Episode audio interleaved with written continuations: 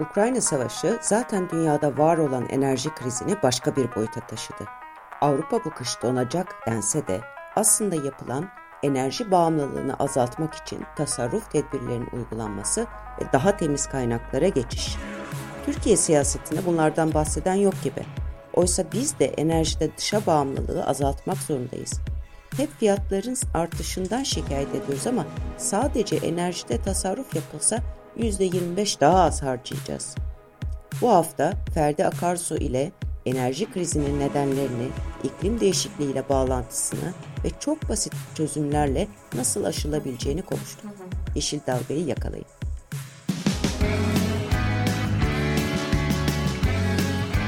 Oku, dinle, izle. Kısa Dalga.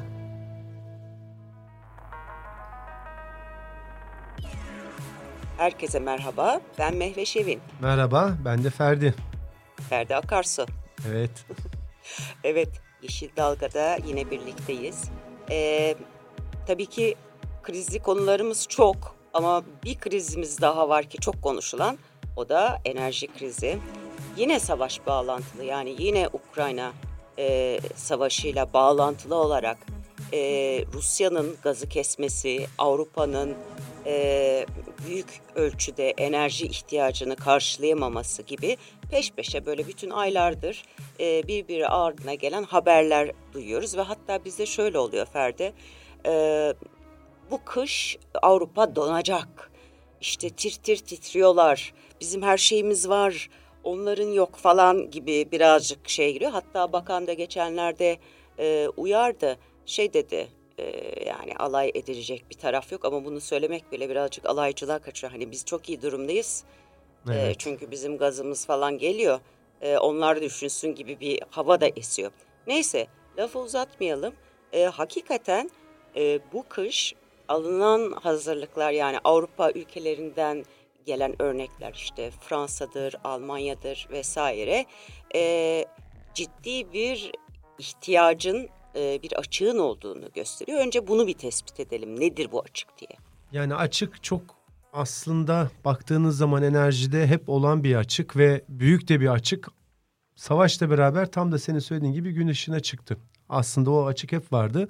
2-3 tane farklı konudan bakmak gerekiyor. Birincisi e, diğer konularda olduğu gibi biz niyeyse her zaman yine bir günden bekliyoruz. Halbuki enerji çok stratejik bir şey. Nasıl otoyollar, köprüler belli zamanlarda savaş durumlarında stratejiktir ülkeler için. Hani onu korumak gerekir. Şimdi enerji de artık günümüzde artan bir şekilde bu hale geldi. Ve böyle stratejik önemli bir konuda ülkelerin yani Almanya'dan, Avrupa'dan bağımsız olarak kendi planlarını, programlarını ve bağımlılıklarını göz önünde bulundurmaları gerekiyor.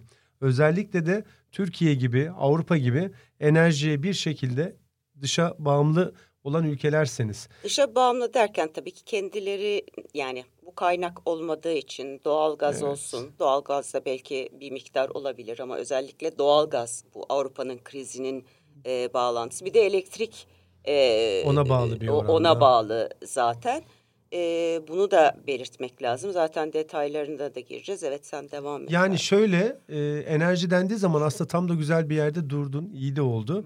Hep böyle şey diye düşünüyoruz biz. Hani e, böyle bir yegane yekpare bir şey falan gibi. Ha. Sıkıntılardan büyüğü de bu. Yekpare bir şey değil. Yani genel olarak biz evet enerji biliyoruz ki ısınmamız lazım. Doğalgaz, ışığı açmamız, telefonu şarj etmemiz lazım. Elektrik. Bu. İşte enerjiyi bu kadar bilip de... Budur abi bitti. tamam yani, program bitti biz gidiyoruz. Duruma bu kadar yaklaşık böyle bir yakın böyle bir yakınsamayla baktığınız zaman sıkıntı oluyor, sorun oluyor. Aslında enerji dediğimiz şey hani Einstein büyüğümüzün dediği gibi kütlesi olan her şey enerji. Şimdi bunu niye söyledim? Böyle bir artistik olsun da hani akademik bir şey söyleyeyim diye Canım değil. Einstein. Ee, evet canımız Einstein. Yani toprağı bol olsun. Seviyoruz kendisini. O bize hani bir formülü var onun E eşittir mc kare. Aslında tam onu anlatır. Aslında şu anda önümüzde duran telefonlar, işte bilgisayarlar, her şey, masanız vesaire enerjinin bir formu. Dolayısıyla biz bütün dünyadaki varlıklara hatta evrendeki çünkü artık biliyorsunuz artık biz evreni falan araştırıyoruz. Bir şeyler falan yapıyoruz. O da başka bir konu ama e, her biri birer enerji kaynağı ve o şekilde yaklaşmamız gerekiyor. Ama günceldeki soruna baktığımız zaman çok temel bir olay. Avrupa bir şekilde ki biz de öyleyiz ama hadi Avrupa'dan e, konuşuluyor gündem diye konuşalım bize gelelim. Bir şekilde kendini özellikle doğalgaz üzerinden Rusya'ya olması gerekenden birazcık daha fazla bağımlı hale getirdi. Sadece doğalgaz da değil petrolde de ciddi bir şekilde Rusya'dan tedarik ediyor Avrupa'nın büyük bir kısmı. Özellikle Kuzey Avrupa, Almanya işte hani birazcık Doğu Avrupa.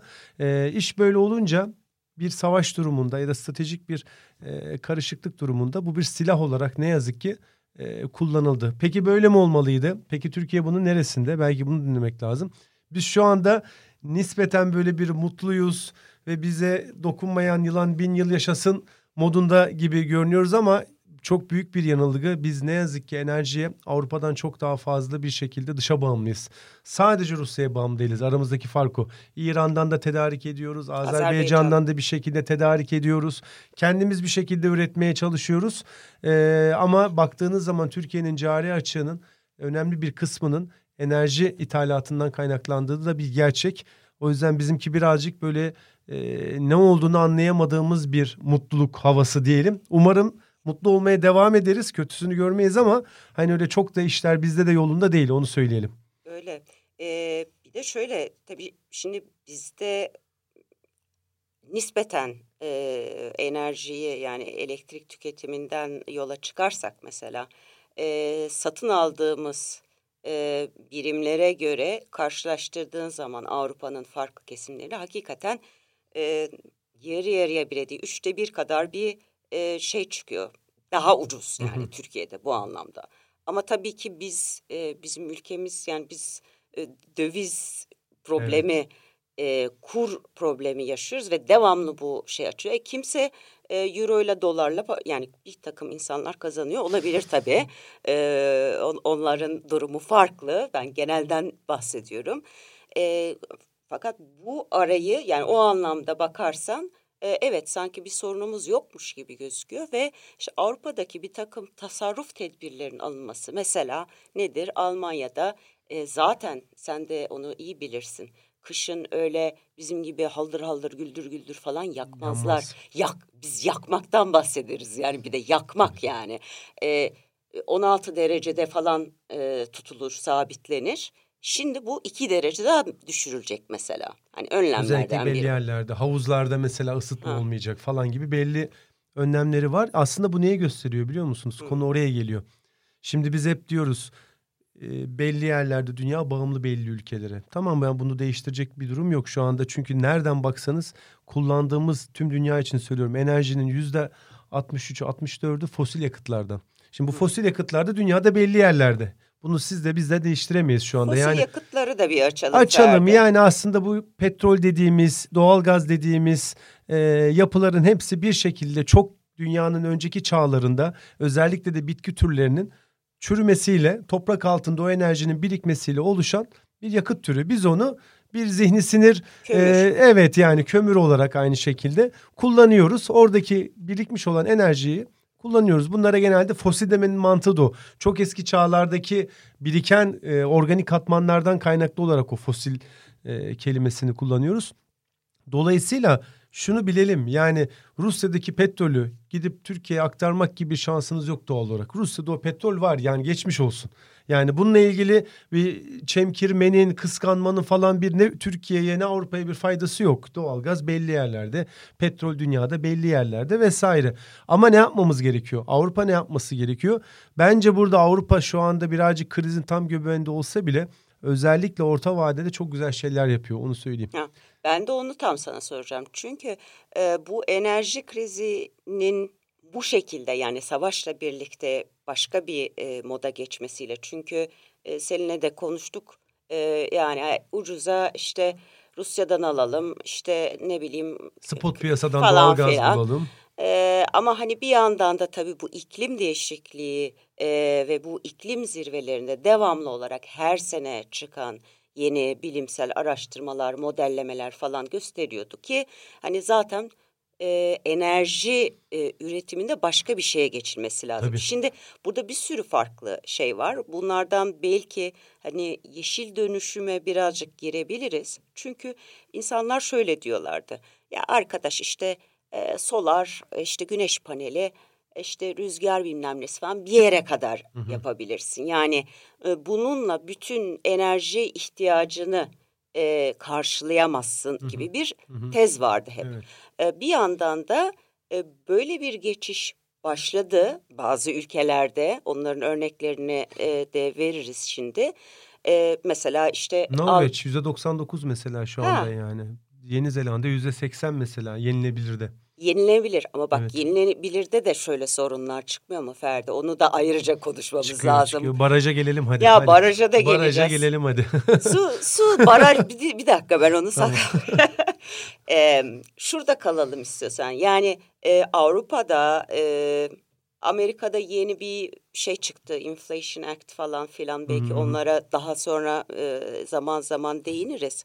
Ee, bizde de bir yeşil mutabakat eylemi e, ilan edildi. evet. Zaten Dahil bu- olduk Paris Anlaşması'na da. Paris Anlaşması'na dair. Dolayısıyla Türkiye'de aslında e, ben de bu yeşil dönüşümü yapacağım. Yani enerjide e, güneş panelidir, rüzgardır, e, işte yenilebilir enerji, biyogazı falan filan koydular. Orada bambaşka tartışmalar var, ona girmiyorum.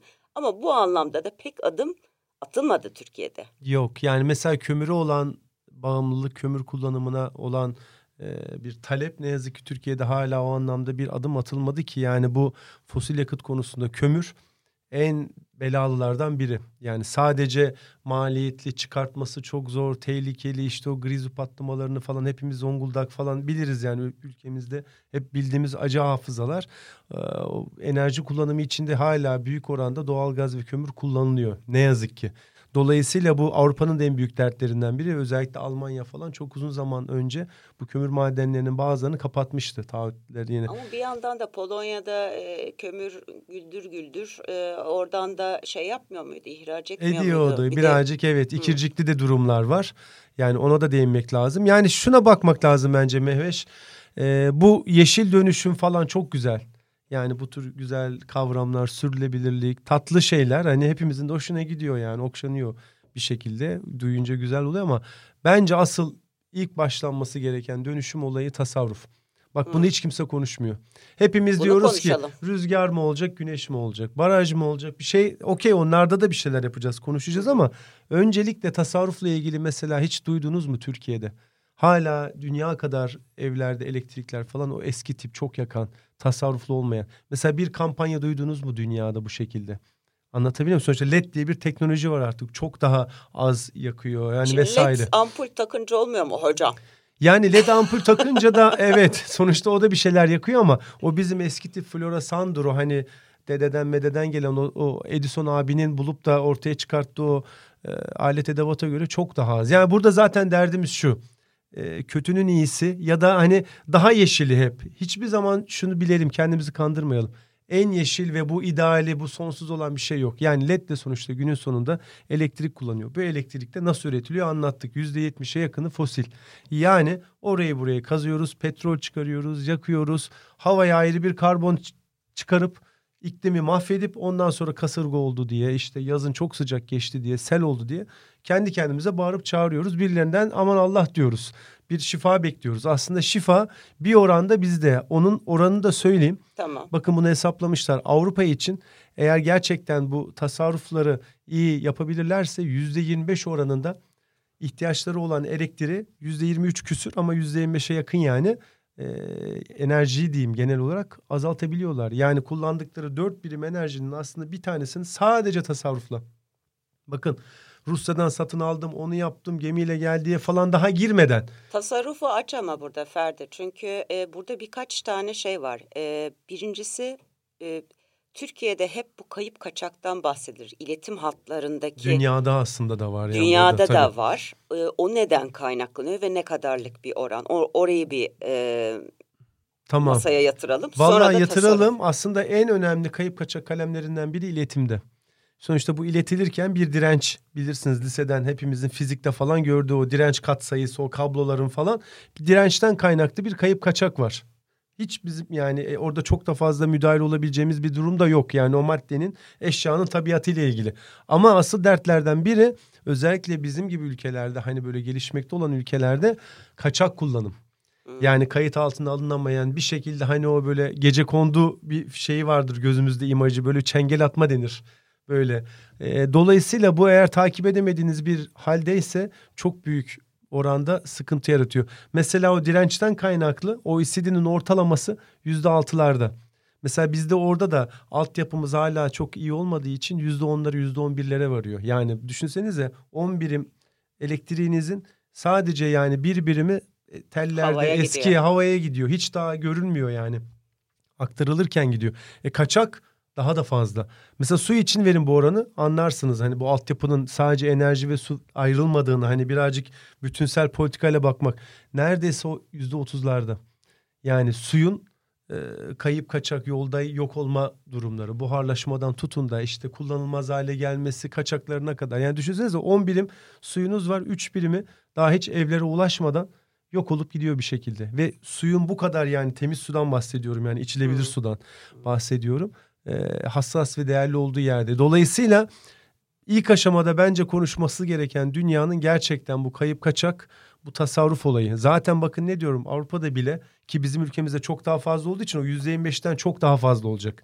Avrupa'da bile %25 sadece tasarrufla enerjiye olan bağımlılık azaltılabiliyorsa Türkiye'de bu oranı siz de düşünebilirsiniz daha fazla olduğunu otomatik olarak. Sonrasında ihtiyacımız olanı nasıl eee, temin etmemiz gerekiyor birazcık da onu konuşalım. Rüzgar mı olsun, güneş mi olsun? Tabii nasıl bir e, ne nasıl diyeyim kombinasyon çünkü tek bir şeyle de olacak değil. Değil, evet. E, bu arada her tabii ki bu yenilenebilir enerji e, yatırımıyla ilgili de biraz daha bizde kaynaklanıyor tabii bu.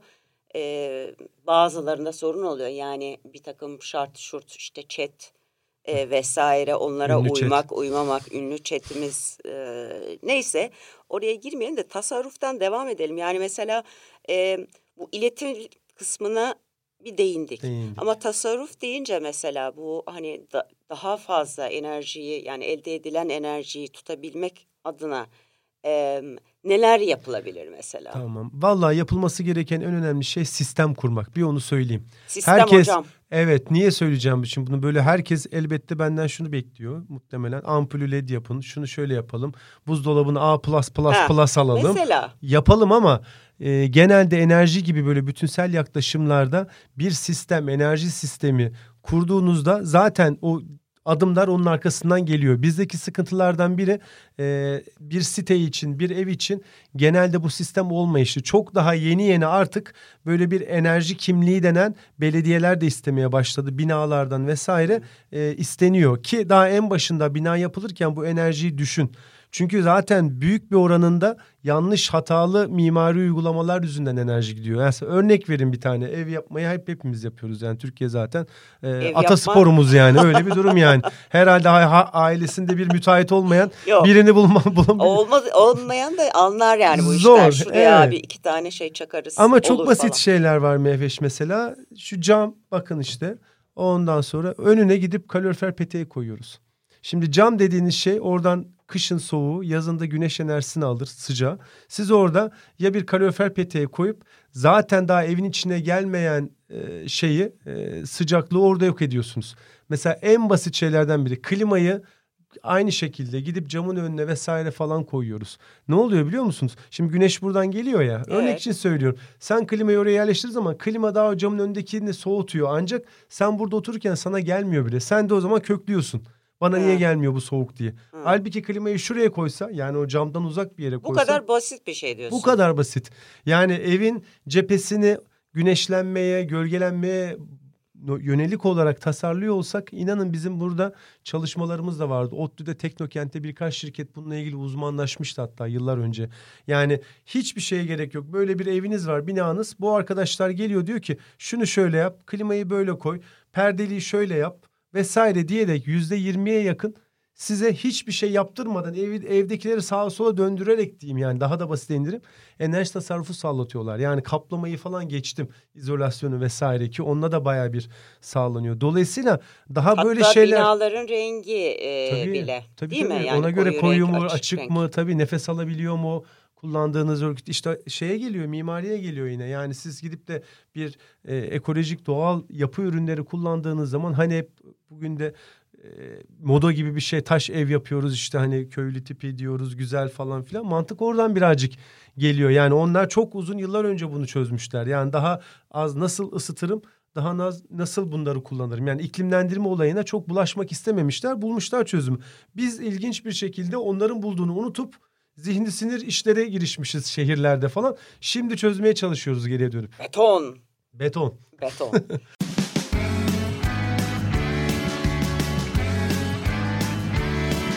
Kulağınız bizde olsun. Kısa Dalga Podcast.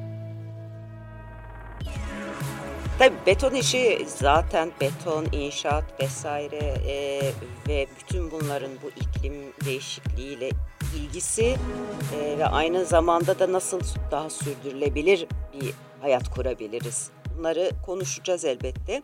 E, enerji kısmından birazcık devam etmek istiyorum. Çünkü e, bu tasarruflar derken mesela şöyle şeyler de var. E, işte toplu taşımada indirim yapıyor mesela. E, ne diyor? Yani Avrupa galiba yine Almanya'ydı bu. Not almışım buraya. E, yani millet arabasını kullanmasın da e, buna biraz teşvik edelim diye. Şimdi bizde bizde tabii birazcık bu zor ama en azından birazcık indirim yapılabilir mi? E, birazcık bu anlamda bir tasarrufa bir şeye gidilebilir mi? Gerçi hani benzin tasarrufuna gidilebilir ancak. Ancak. Yani şunu önce bir prensip olarak evet. söyleyelim. Toplu taşıma her zaman çok daha önemli ve güzel bir alternatif. Pure bir yeşil değil. Onun da sıkıntıları var. Detayları konuşuruz ama özel araba kullanmaya kıyasla e, şüphesiz çok daha iyi bir yöntem e, ve çok daha çağdaş ve medeni dünyanın da zaten bilip deneyimlediği kullandığı bir yöntem. Yani bunun tartışacak bir tarafı yok. Bir şekilde belediyeler bunu tesis etmeli bizler için. Ya bu onların görevi. İstanbul'da olsun, Ankara'da olsun, fark etmez New York'ta olsun. Sonuçta bu sonuçta bu böyle bir e, gerçek. Bunu çünkü niye söylüyorum bunu? Hı hı. Belli ülkelerde bizde de bazen ara ara böyle bir kişisel araç sahibi olma teşvik edilebiliyor. Konuyu oraya getireceğim. Kesinlikle Kredi öyle. teşvikleri olabiliyor vesaire bildiğimiz yöntemler. Ee, bunu yine yapalım. Sonuçta özel araba almak isteyen insanlar da olabilir ama bunu bir özendirecek şekilde politikalar üretiyor olmak sıkıntılı. Yani neyse ya ki... olay bütün bunun üzerine kurulu son 20 senedir Ferdi'cim ne diyorsun? Yollar, köprüler yaptık. Evet. Yani şu anlamında da e, söylemek istemiyorum tabii ki. Yani bazı altyapı şeylerinde gerçekten eksiklikler varsa tabii ki yapılır ve tabii, hani tabii. ulaşımı e, daha e, kolay ama her şey bizde karayolu üzerine. Yani mesela demiryolu e, kısmı çok zayıf kaldı. Zayıf. Aslında burada başka şeyler var. Hani en başında Rusya hikayesine girdik hmm. ya. Ya bir şekilde bu enerjide belli ülkeler e, belli bir e, parsayı kapatmışlar diyelim. Şimdi diğer ülkeler de bunu görüp kendileri enerji açısından kendilerini çeşitlendirmeleri gerekiyor kaynaklarını. Yani yapacak bir şey yok. Türkiye bu saatten sonra toprak altından petrol bulup da onu yapamaz. Bulsa da kısıtlı kısıtlı bulur. O da belli oranda çıkar. Hani sonuçta petrolün şey Karadeniz'deki evet gibi. hikaye gibi. Nerede olduğu belli çünkü. Ama ne yapacak? Dünya ne yapacak? Türkiye ne yapacak? Elimizde artık teknolojinin getirdiği imkanlar var. Türkiye mesela güneşlenme oranı dünyadaki en önemli ülkelerden biri. Yani yılın belli zamanlarında özellikle belli bölgelerde iyi güneş alıyoruz. Rüzgar belli oranlarda güzel. Dalga kullanılabilir. Üç tarafımız böyle. E, dolayısıyla hiç bunları konuşmadan, tasarrufu hiç konuşmadan e, gerçekten hani sadece işte bizde petrol yok dışa bağımlıyız ne yapalım o zaman? Bir Bu çaresizliğine... diyor mesela. İşte bakın nükleer de şu anda dünyada hala kullanıyor yüzde yirmi beş.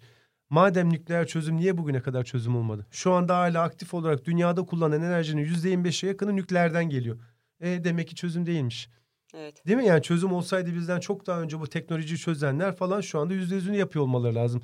Demek ki bir sıkıntı bir sakatlık var ki yüzde yirmi beşte kalmış. Bak orada ama hep şey denir. E, nükleer konusuna da bir do değinmiş oluyoruz böylelikle. E, işte mesela Fransa örnek gösteriyor ya da Amerika yani gelişmiş ülkeler bunu yapıyor. İşte Japonya ama Japonya özellikle e, tabii Fukushima'dan sonra e, onlarınki çok daha farklı bir şeye evrildi mi evrilmedi Burada mi? Burada bir parantez açalım lazım. ama istiyor açalım. musun? O parantez şu ülkeler bunları inşa ederlerken gelişmemişlerdi. Hmm. Şimdi bunların hep e Yapıldığı zaman, tarihler 1940'lar 50'ler zaten nükleer teknolojinin geliştiği tarih evet, bombadan hatırlarsınız.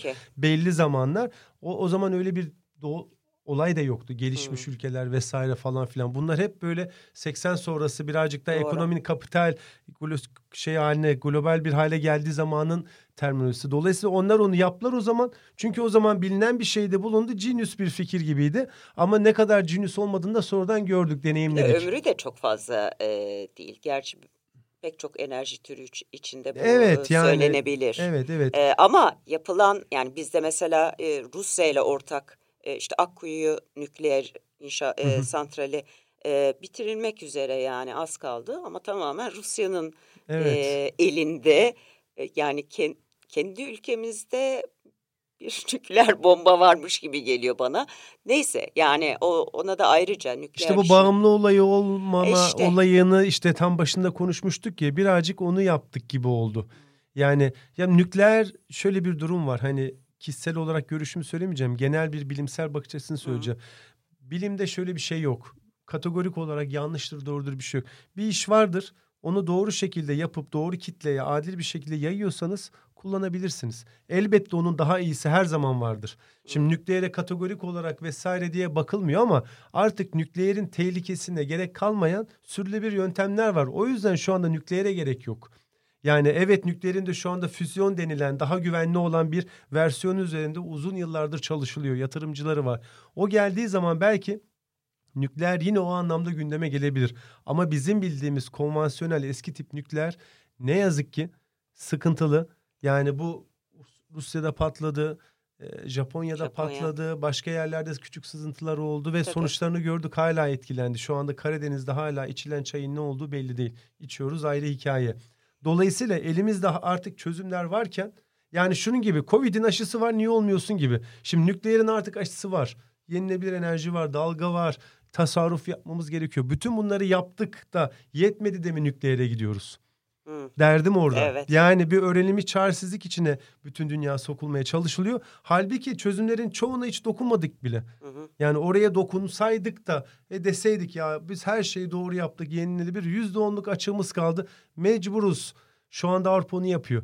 Mecbur oldukları için belki kömüre belli oranda dönecekler ya da belli oranda nükleere tekrar geri dönecekler ama, Ama bu geçiş süreci Evet, için mecbur değil mi? oldukları için. Ondan biraz bahsedelim mi Ferdi? Yani, aslında şöyle e, güzel de bir program açıkladılar. Bayağı halkın anlayabileceği şekilde hani kim ne yapacak nasıl yapacak hükümet iki Avrupa yıldır- Birliği Tabii tabii. olarak. Tabii tabii Avrupa Birliği olarak bir genel bir politika çünkü yapmaları ki çünkü fiyat orada öyle belirleniyor yani. Evet. Öyle bakmak lazım. Kısa vadede çok böyle akut biraz önce senin de söylediğin belli tasarruf yöntemlerine gidecekler ama bu kışı eğer çok ağır bir kış geçirmezlerse yani şöyle hava şartları sanıldığından çok daha fazla tahmin edilen soğuk falan olmazsa zaten depolarındaki yetiyor. Onu söylemek lazım. Ha. Yani öyle bir Bu donacaklar. bir haz- hazırlık gibi. Evet aslında öyle. Önlem almak gibi Önlem bir şey. almak yani Hı. hani böyle acil durum senaryosunu aslında işletiyorlar ki ne olur ne olmaz diye. Diğer özellikle orta vade programlarındaki en büyük hedefleri de şu e, sadece Rusya'ya da değil. Her ülke Avrupa Birliği sattığında da düşünebilirsiniz. Enerji ihtiyacını bir azaltmak, iki e, onu temin ettiği kaynakları çeşitlendirmek. Yani Hı hı. tek bir ülkeye, tek bir bölgeye e, istikbalini bağlamak gibi bir hataya bir daha düşmemeye çalışıyorlar. Bence doğrusunu da yapıyorlar Tabii ki. orta vadede ama bu 2025 onların planına göre. Gerçekten o bağımlılığı normal kontrol edilebilir seviyeye getirebilmek için Kontrol edilebilir seviye dediğin ne? Yani yüzde yüz değil tabii ki. stratejik Yüzde olarak altmış. silah olarak Neyse. kullanılmaması kadar. Hı. Şu anda kullanılıyor. Ne yazık ki. Hı. Yani şu anda bir e, silah olarak bir e, Enerji. Evet, enerji kullanılıyor. Bir bayağı sopa gibi Tabii. e, Rusya tarafından kullanılıyor. Onu sopa kadar kullanamayacağı işte hani evet ne olur bu yüzde on olur yirmi olur. Evet kesse bile yüzde yirmisi gider benim zaten alternatifim var der geçer Tabii. giderdi. Onu bugüne kadar işletmedikleri için suçlular. Evet. Biz şu anda Bunda ülkemizde farkındalar tabii. farkındalar bence hesapta vermeliler. Biz ülkemizde peki bunun farkında Ha. mıyız olup bir de biz şu anda benim gördüğüm kadarıyla bize dokunmayan yılan şu anda bin yıl yaşasın sıkıntı yok mutluyuz biz bu kış diyoruz ama inanın bana hiçbir şekilde enerjiyle ilgili böyle bir çeşitlendirilmiş kaynak böyle bir profil analizimiz doğru düzgün yok. Ee, işte rüzgarda güneşte belli yatırımlar yapılmaya teşvik verilmeye çalışılıyor ama yine büyük oranda dışa bağımlıyız ve tasarrufa yönelik neredeyse Neredeyse, şey yok. yani özellikle halkın tasarruf etmesine yönelik bir şey yok. Ya tasarruf sanki bir e, fakirlik şeyiymiş gibi algılanıyor Ferdi. Şöyle e, yani Türkiye'nin yani özellikle 2000'li yıllardan sonra ve AKP iktidarına denk geldi ama dünya konjonktürüyle de uyuşuyor. E, bir büyüme e, gerçekten dünyada para miktarı da fazlaydı. İşte Avrupa Birliği e, konusu vardı. E, onlardan da yani onlar tamamen rafa kalktı. E, böyle bir kendi kendimize e, hani bir oraya bir buraya Gelin falan. güvey olduk Yeni gibi bir şeyler oluyor. Neyse. E, insanlar da ben şu yani po- politika da tabii bunu çok kullanıyor. E, yani sanki tasarruf yapmak, şey yapmak ayıp bir şeymiş gibi. Fakirliğin, e, ezilmişliğin e, bir hıncı var gibi geliyor bana. E, çünkü 80'lerde 90'larda daha önceleri hatırlayanlar içinde hani yokluk vardı. Ne Evet. bileyim elektrik kısıntıları oluyordu. E, bu kadar çok e, her şey atıyorum avokadosundan bilmem nesine falan tezgahta yoktu. İşte e, çok klasik şeydir ya ilkokulda muz yememiz e, ayıptı yani. E, Şu anda e, Evet. bambaşka bir dünya var. Bambaşka bir jenerasyon geliyor. E, Bambaşka bir tüketim kültürü var. Dolayısıyla e, politika yapıcılar için hep daha büyüyelim, e, daha fazla harcayalım. O zaman biz zenginiz yaşasın gibi bir mantık var. Ama bu mantığın Değil, sonu değil. Da yok. Türkiye ilk 20'de 18'deydi. Şu anda 21'de 22'ye doğru koşa koşa gidiyor.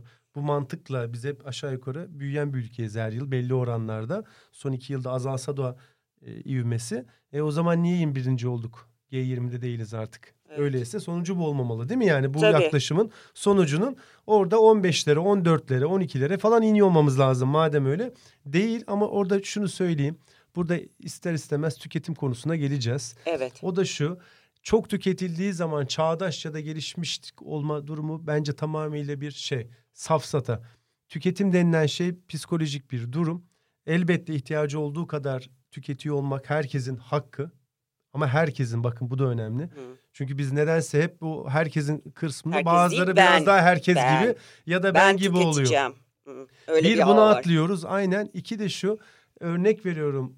Dört tane ayakkabım var. Niye on dört tane yok kısmı e, bir gelişmişlik falan değil. Tamamıyla şuursuzluk. Aslında tüketim biyolojik olarak da ne olur dinleyen arkadaşlar e, baksınlar. E, bayağı bir bağımlılık yaratan. Çünkü tükettiğiniz zaman beyninizde aynı alkol kullandığınız zaman sigara gibi vesaire sevdiğiniz bir şeyi kahve gibi aynı hormonal aktiviteleri gösteriyor Bu ve önemli. siz tüketim bağımlısı hale geliyorsunuz ve bu gelişmişliğiniz göstermiyor. Şunu söyleyeyim oradan anlayalım. Dünyanın en bildiğiniz G8, G20 falan ülkelerinde bakın Kuzey Avrupa vesaire Kanada falan. Baktığınız zaman enerjide neredeyse yüzde yüzlere yaklaşmak üzereler. Bunlar şimdi e, fakir, gelişmemiş oldukları için mi? Yani nükleer yapamıyor mu mesela Norveç, Kanada vesaire daha fazla? Ha. Baraj yapamıyor mu? Bilmediklerinden mi? Değil ya da işte ne bileyim jipin en alasını onlar mesela alıp para binemiyorlar mı? Düşünsene gayri safi milli hasılası en yüksek olan ülkelerden bahsediyoruz. Olay birazcık e, zamanında evet yani o şey. kapitalin dönmesiyle alakalı ekonomik bir durum dünyada böyle pompalandı. Bu da birazcık da anladığım kadarıyla yani hani bu şimdi böyle bir çok eski tip bir solcu söylemi gibi söylemek kalmak da istemiyorum ama öyle bir sistem tam da sen anlatmıştın. Pompalanmıştı belli oranda para bas o parayı faizleri arttırarak şu anda olduğu gibi belli zamanlarda topla böyle bir metot ama bu metodu bugüne kadar 20-30 yıldır bir şekilde işlettiler. Okey gördük, yaşıyoruz. Daha geçen hafta 100 puan arttırdı FED. Çok açık bir şekilde dünya kaynakları yok oluyor. Yani biz istediğimiz kadar teorisinde Fed'le, onunla bununla yani Avrupa Birliği Merkez Bankası'nın uygulamalarıyla bir şeyleri kurtarmaya çalıştığımızı düşünelim. Para basalım, bir şey yapalım falan. Ee, kaynak belli. Dünya belli. Ee, bunun ötesine geçemediğiniz zaman e, bir yerde tıkanıyorsunuz. Bence benim kişisel kanaatim bu Rusya-Ukrayna savaşında dönüp dolaşıp geldiği yerlerden biri bu kaynak kıtlığı. Doğru. Bu kaynak Doğru. kıtlığı ve politikadaki sıkışmıştık. Çünkü dünya eski iki kutuplu Ha. dünyaydı. E, oradan çıkıldı. Çıkıldı tek kutuplu oldu uzun bir süre. Evet. Şu anda Amerika'nın yanındaki yüzde otuz, yüzde on dörde ulaştı Çin. Yani dünya kaynaklarının diyelim ki hani kabaca anlatıyorum yüzde otuzu Amerika tarafından değer üretiliyordu. Mal vesaire. Çin yüzde on dörde gördü. Hindistan yükseliyor. Rusya 90'lardan sonra dağıldıktan sonraki e, bir ayağa kalktı ve bir kutup yavaş yavaş oluşmaya başladı.